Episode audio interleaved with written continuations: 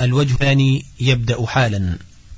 نواصل القراءة في هديه صلى الله عليه وسلم في الذكر.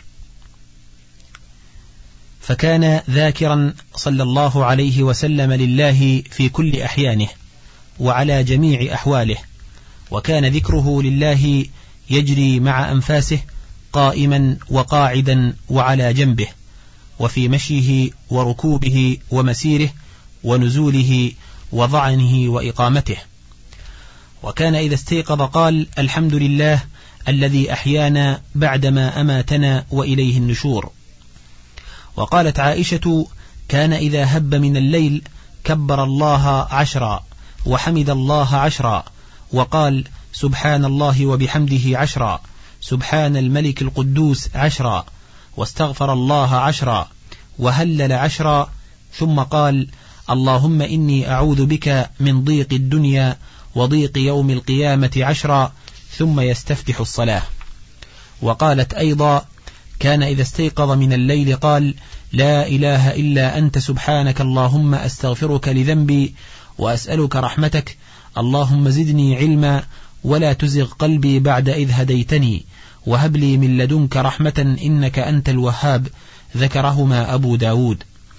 وأخبر أن من استيقظ من الليل فقال لا إله إلا الله وحده لا شريك له له الملك وله الحمد وهو على كل شيء قدير الحمد لله وسبحان الله ولا إله إلا الله والله أكبر ولا حول ولا قوة إلا بالله العلي العظيم.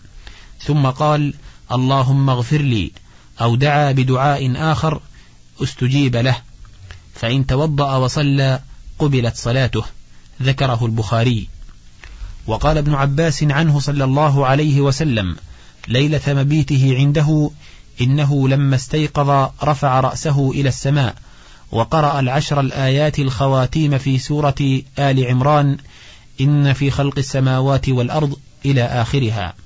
ثم قال اللهم لك الحمد أنت نور السماوات والأرض ومن فيهن ولك الحمد أنت قيم السماوات والأرض ومن فيهن ولك الحمد أنت الحق ووعدك الحق وقولك الحق ولقاؤك حق والجنة حق والنار حق والنبيون حق ومحمد حق والساعة حق. اللهم لك أسلمت وبك آمنت وعليك توكلت وإليك أنبت وبك خاصمت وإليك حاكمت. فاغفر لي ما قدمت وما أخرت وما أسررت وما أعلنت. أنت إلهي لا إله إلا أنت ولا حول ولا قوة إلا بالله العلي العظيم. وقد قالت عائشة رضي الله عنها كان إذا قام من الليل قال اللهم رب جبرائيل وميكائيل وإسرافيل فاطر السماوات والأرض عالم الغيب والشهادة أنت تحكم بين عبادك فيما كانوا فيه يختلفون. اهدني لما اختلف فيه من الحق بإذنك إنك تهدي من تشاء إلى صراط مستقيم. وربما قالت كان يفتتح صلاته بذلك وكان إذا أوتر ختم وتره بعد فراغه بقوله سبحان الملك القدوس ثلاثا ويمد بالثالثة صوته. وكان إذا خرج من بيته يقول بسم الله توكلت على الله اللهم إني أعوذ بك أن أضل أو أضل أو أزل أو أزل أو أظلم أو أظلم أو أجهل أو يجهل علي. حديث صحيح.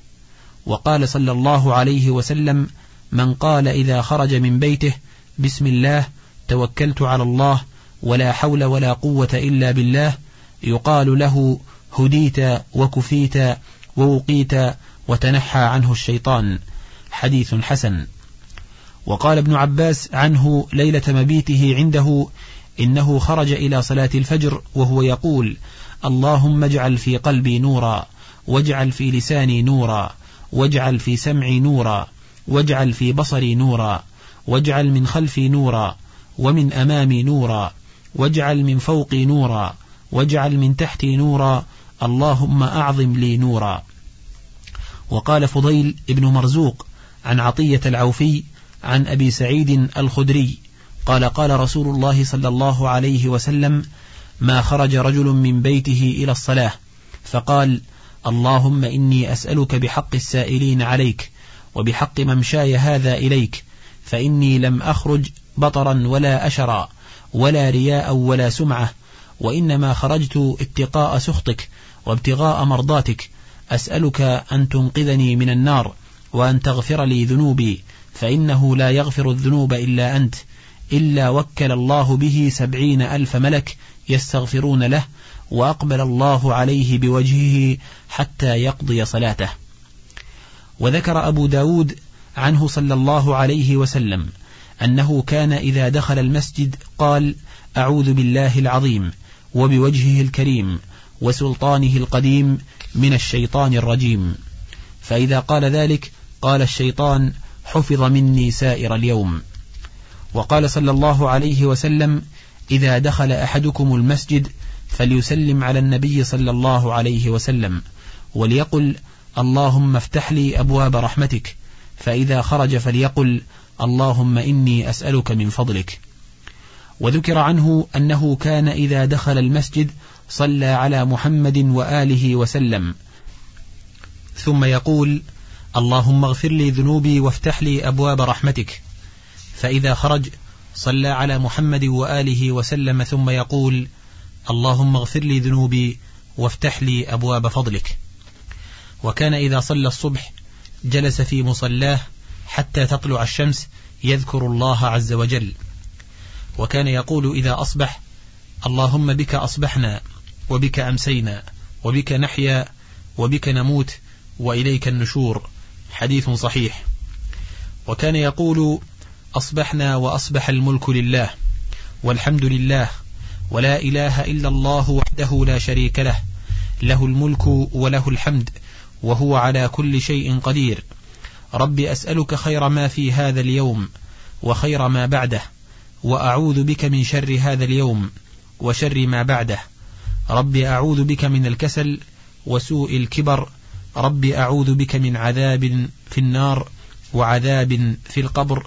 وإذا أمسى قال أمسينا وأمسى الملك لله إلى آخره. ذكره مسلم. وقال له أبو بكر الصديق رضي الله عنه مرني بكلمات أقولهن إذا أصبحت وإذا أمسيت. قال قل اللهم فاطر السماوات والأرض عالم الغيب والشهادة رب كل شيء ومليكه ومالكه. أشهد أن لا إله إلا أنت. أعوذ بك من شر نفسي ومن شر الشيطان وشركه. وأن أقترف على نفسي سوءا أو أجره على إلى مسلم. قال قلها إذا أصبحت وإذا أمسيت وإذا أخذت مضجعك. حديث صحيح. وقال صلى الله عليه وسلم ما من عبد يقول في صباح كل يوم ومساء كل ليلة بسم الله الذي لا يضر مع اسمه شيء في الأرض ولا في السماء وهو السميع العليم ثلاث مرات إلا لم يضره شيء. حديث صحيح. وقال من قال حين يصبح وحين يمسي رضيت بالله ربا وبالإسلام دينا وبمحمد نبيا كان حقا على الله أن يرضيه. صححه الترمذي والحاكم. وقال من قال حين يصبح وحين يمسي اللهم إني أصبحت أشهدك وأشهد حملة عرشك وملائكتك وجميع خلقك أنك أنت الله الذي لا إله إلا أنت وأن محمدا عبدك ورسولك أعتق الله ربعه من النار. وإن قالها مرتين أعتق الله نصفه من النار. وإن قالها ثلاثة أعتق الله ثلاثة أرباعه من النار وإن قالها أربعة أعتقه الله من النار. حديث حسن. وقال من قال حين يصبح اللهم ما أصبح بي من نعمة أو بأحد من خلقك فمنك وحدك لا شريك لك لك الحمد ولك الشكر فقد أدى شكر يومه. ومن قال مثل ذلك حين يمسي فقد أدى شكر ليلته. حديث حسن. وكان يدعو حين يصبح وحين يمسي بهذه الدعوات. اللهم إني أسألك العافية في الدنيا والآخرة. اللهم إني أسألك العفو والعافية في ديني ودنياي وأهلي ومالي. اللهم استر عوراتي وآمن روعاتي. اللهم احفظني من بين, من بين يدي ومن خلفي وعن يميني وعن شمالي ومن فوقي وأعوذ بعظمتك أن أغتال من تحتي. صححه الحاكم. وقال إذا أصبح أحدكم فليقل أصبحنا وأصبح الملك لله رب العالمين.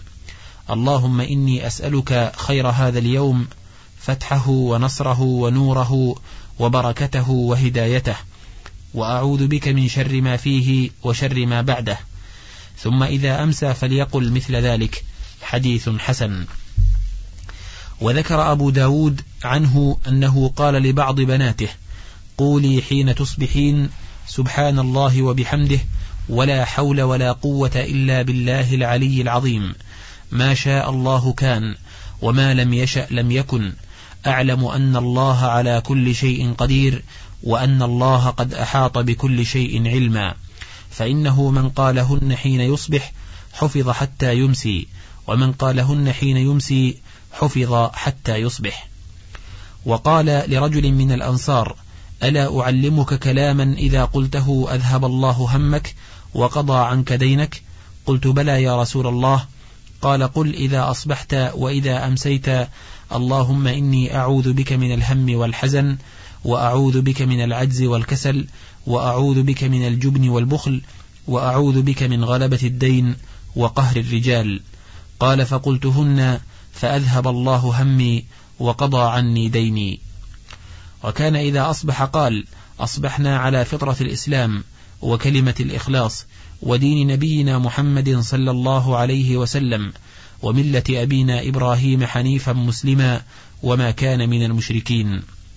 هكذا في الحديث ودين نبينا محمد صلى الله عليه وسلم.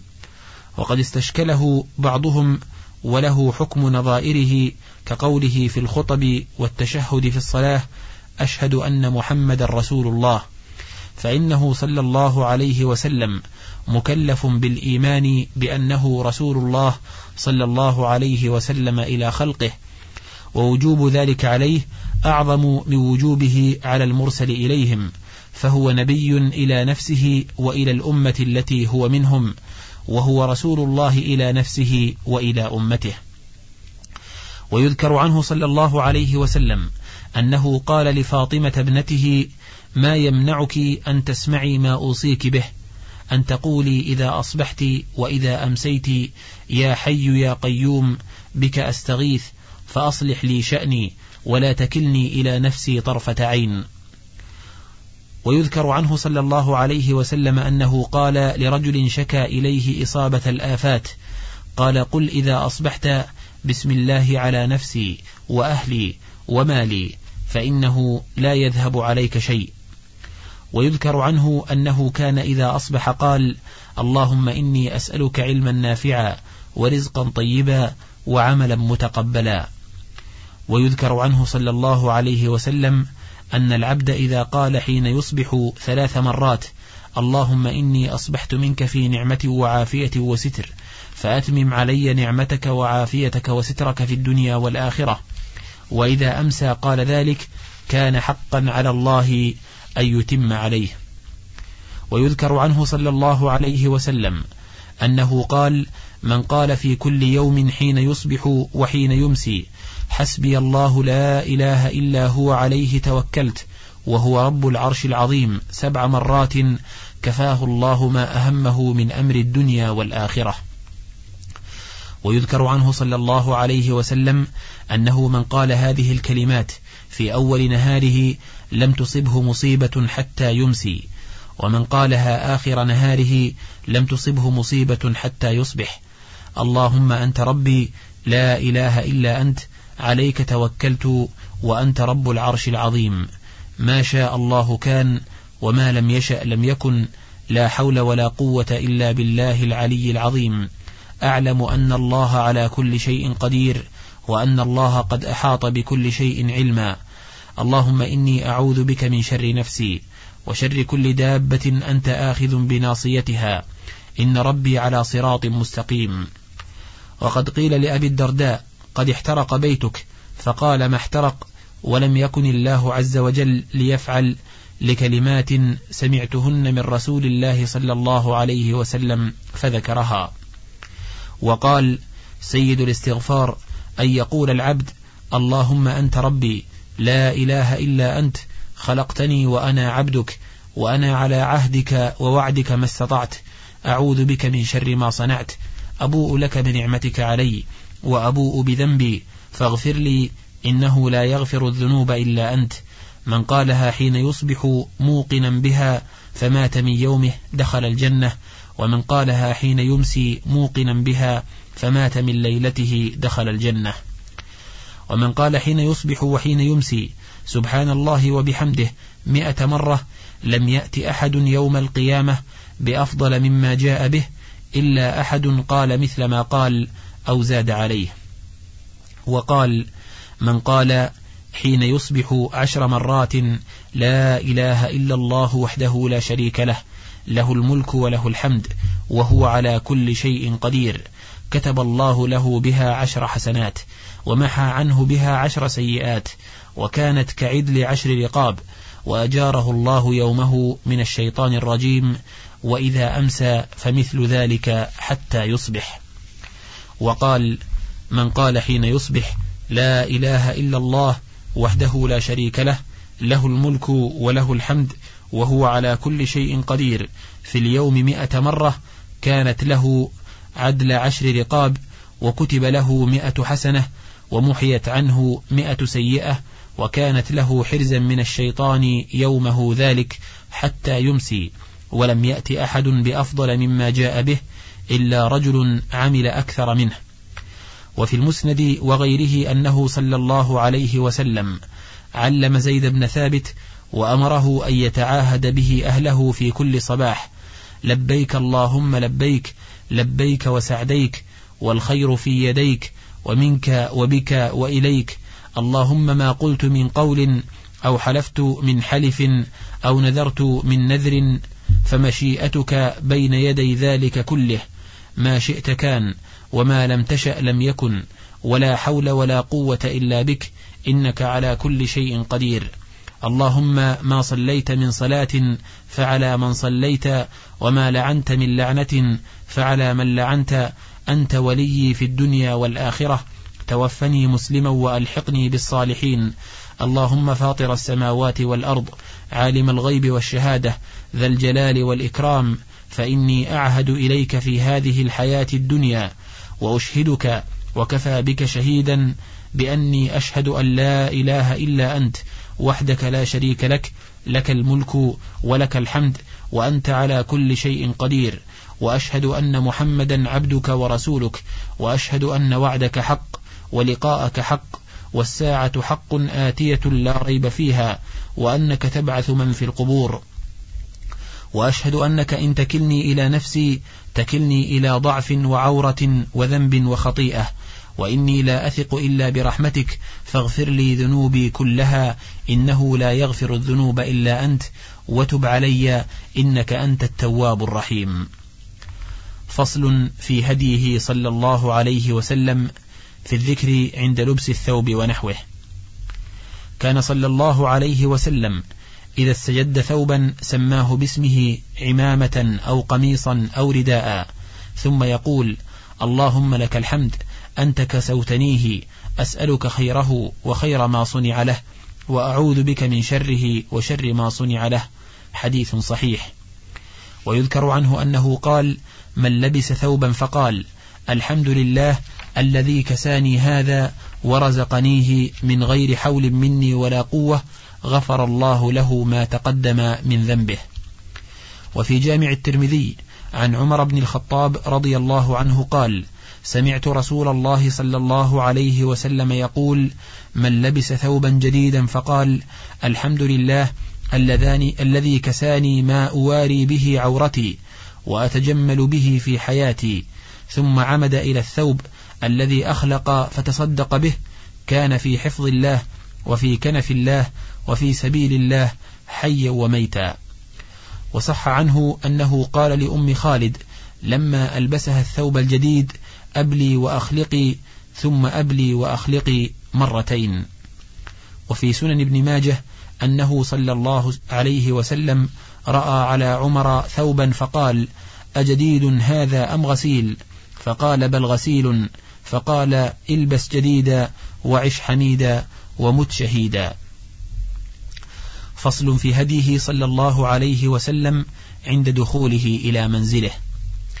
لم يكن صلى الله عليه وسلم ليفجأ أهله بغتة يتخونهم ولكن كان يدخل على أهله على علم منهم بدخوله وكان يسلم عليهم وكان إذا دخل بدأ بالسؤال أو سأل عنهم وربما قال هل عندكم من غداء وربما سكت حتى يحضر بين يديه ما تيسر. ويذكر عنه صلى الله عليه وسلم أنه كان يقول إذا انقلب إلى بيته الحمد لله الذي كفاني وآواني والحمد لله الذي أطعمني وسقاني والحمد لله الذي من علي فأفضل أسألك أن تجيرني من النار. وثبت عنه صلى الله عليه وسلم أنه قال لأنس إذا دخلت على أهلك فسلم يكن بركة عليك وعلى أهلك. قال الترمذي حديث حسن صحيح. وفي السنن عنه صلى الله عليه وسلم إذا ولج الرجل بيته فليقل اللهم إني أسألك خير المولج وخير المخرج بسم الله ولجنا وعلى الله ربنا توكلنا ثم ليسلم على أهله. وفيها عنه صلى الله عليه وسلم ثلاثة كلهم ضامن على الله. رجل خرج غازيا في سبيل الله فهو ضامن على الله حتى يتوفاه فيدخله الجنة أو يرده بما نال من أجر وغنيمة. ورجل راح إلى المسجد فهو ضامن على الله حتى يتوفاه فيدخله الجنة أو يرده بما نال من أجر وغنيمة. ورجل دخل بيته بسلام فهو ضامن على الله. حديث صحيح. وصح عنه صلى الله عليه وسلم إذا دخل الرجل بيته فذكر الله عند دخوله وعند طعامه قال الشيطان لا مبيت لكم ولا عشاء وإذا دخل فلم يذكر الله عند دخوله قال الشيطان أدركتم المبيت وإذا لم يذكر الله عند طعامه قال أدركتم المبيت والعشاء ذكره مسلم. فصل في هديه صلى الله عليه وسلم في الذكر عند دخوله الخلاء. ثبت عنه في الصحيحين أنه كان يقول عند دخوله الخلاء اللهم إني أعوذ بك من الخبث والخبائث. وذكر أحمد عنه أنه أمر من دخل الخلاء أن يقول ذلك. ويذكر عنه لا يعجز أحدكم إذا دخل مرفقه أن يقول اللهم إني أعوذ بك من الرجس النجس الخبيث المخبث الشيطان الرجيم. ويذكر عنه صلى الله عليه وسلم قال ستر ما بين الجن وعورات بني آدم إذا دخل أحدكم الكنيف أن يقول بسم الله وثبت عنه صلى الله عليه وسلم أن رجلا سلم عليه وهو يبول فلم يرد عليه. وأخبر أن الله سبحانه يمقت الحديث على الغائط فقال لا يخرج الرجلان يضربان الغائط كاشفين عن عوراتهما يتحدثان فإن الله عز وجل يمقت على ذلك. وقد تقدم أنه كان لا يستقبل القبلة ولا يستدبرها ببول ولا بغائط وأنه نهى عن ذلك في حديث أبي أيوب وسلمان الفارسي وأبي هريرة ومعقل بن أبي معقل وعبد الله بن الحارث ابن جزء الزبيدي وجابر بن عبد الله وعبد الله بن عمر رضي الله عنهم. وعامة هذه الأحاديث صحيحة وسائرها حسن والمعارض لها إما معلول السند وإما ضعيف الدلالة فلا يرد صريح نهيه المستفيض عنه بذلك. كحديث عراك عن عائشة ذكر لرسول الله صلى الله عليه وسلم أن أناسا يكرهون أن يستقبلوا القبلة بفروجهم فقال أو قد فعلوها حولوا مقعدتي قبل القبلة رواه الإمام أحمد. وقال هو أحسن ما روي في الرخصة وإن كان مرسلا ولكن هذا الحديث قد طعن فيه طعن فيه البخاري وغيره من أئمة الحديث ولم يثبتوه ولا يقتضي كلام الإمام أحمد تثبيته ولا تحسينه. قال الترمذي في كتاب العلل الكبير سألت أبا عبد الله محمد بن إسماعيل البخاري عن هذا الحديث فقال هذا حديث فيه اضطراب والصحيح عندي عن عائشة من قولها انتهى. قلت وله علة أخرى وهي انقطاعه بين عراك وعائشة فإنه لم يسمع منها. وقد رواه عبد الوهاب الثقفي عن خالد الحذاء عن رجل عن عائشة وله علة أخرى وهو ضعف خالد ابن أبي الصلت. ومن ذلك حديث جابر نهى رسول الله صلى الله عليه وسلم أن تستقبل القبلة ببول فرأيته قبل أن يقبض بعام يستقبلها. وهذا الحديث أستغربه أستغربه الترمذي بعد تحسينه. وقال الترمذي في كتاب العلل سألت محمدا يعني البخاري عن هذا الحديث فقال هذا حديث صحيح رواه غير واحد عن ابن إسحاق فإن كان مراد البخاري صحته عن ابن إسحاق لم يدل على صحته في نفسه وإن كان مراده صحته في نفسه فهي واقعة عين حكمها حكم حديث ابن عمر لما رأى رسول الله صلى الله عليه وسلم يقضي حاجته مستدبر الكعبة. وهذا يحتمل وجوها ستة نسخ النهي به وعكسه وتخصيصه به صلى الله عليه وسلم وتخصيصه بالبنيان وأن يكون لعذر اقتضاه لمكان أو غيره وأن يكون بيانا لأن النهي ليس على التحريم ولا سبيل إلى الجزم بواحد من هذه الوجوه على التعيين وإن كان حديث جابر لا يحتمل الوجه الثاني منها فلا سبيل إلى ترك أحاديث النهي الصحيحة الصريحة المستفيضة بهذا المحتمل. وقول ابن عمر إنما نهي عن ذلك في الصحراء فهم منه لاختصاص النهي به وليس بحكاية لفظ النهي وهو معارض بفهم أبي أيوب للعموم مع سلامة قول أصحاب العموم من التناقض الذي يلزم المفرقين بين الفضاء والبنيان. فإنه يقال لهم ما حد الحاجز الذي يجوز ذلك معه في البنيان.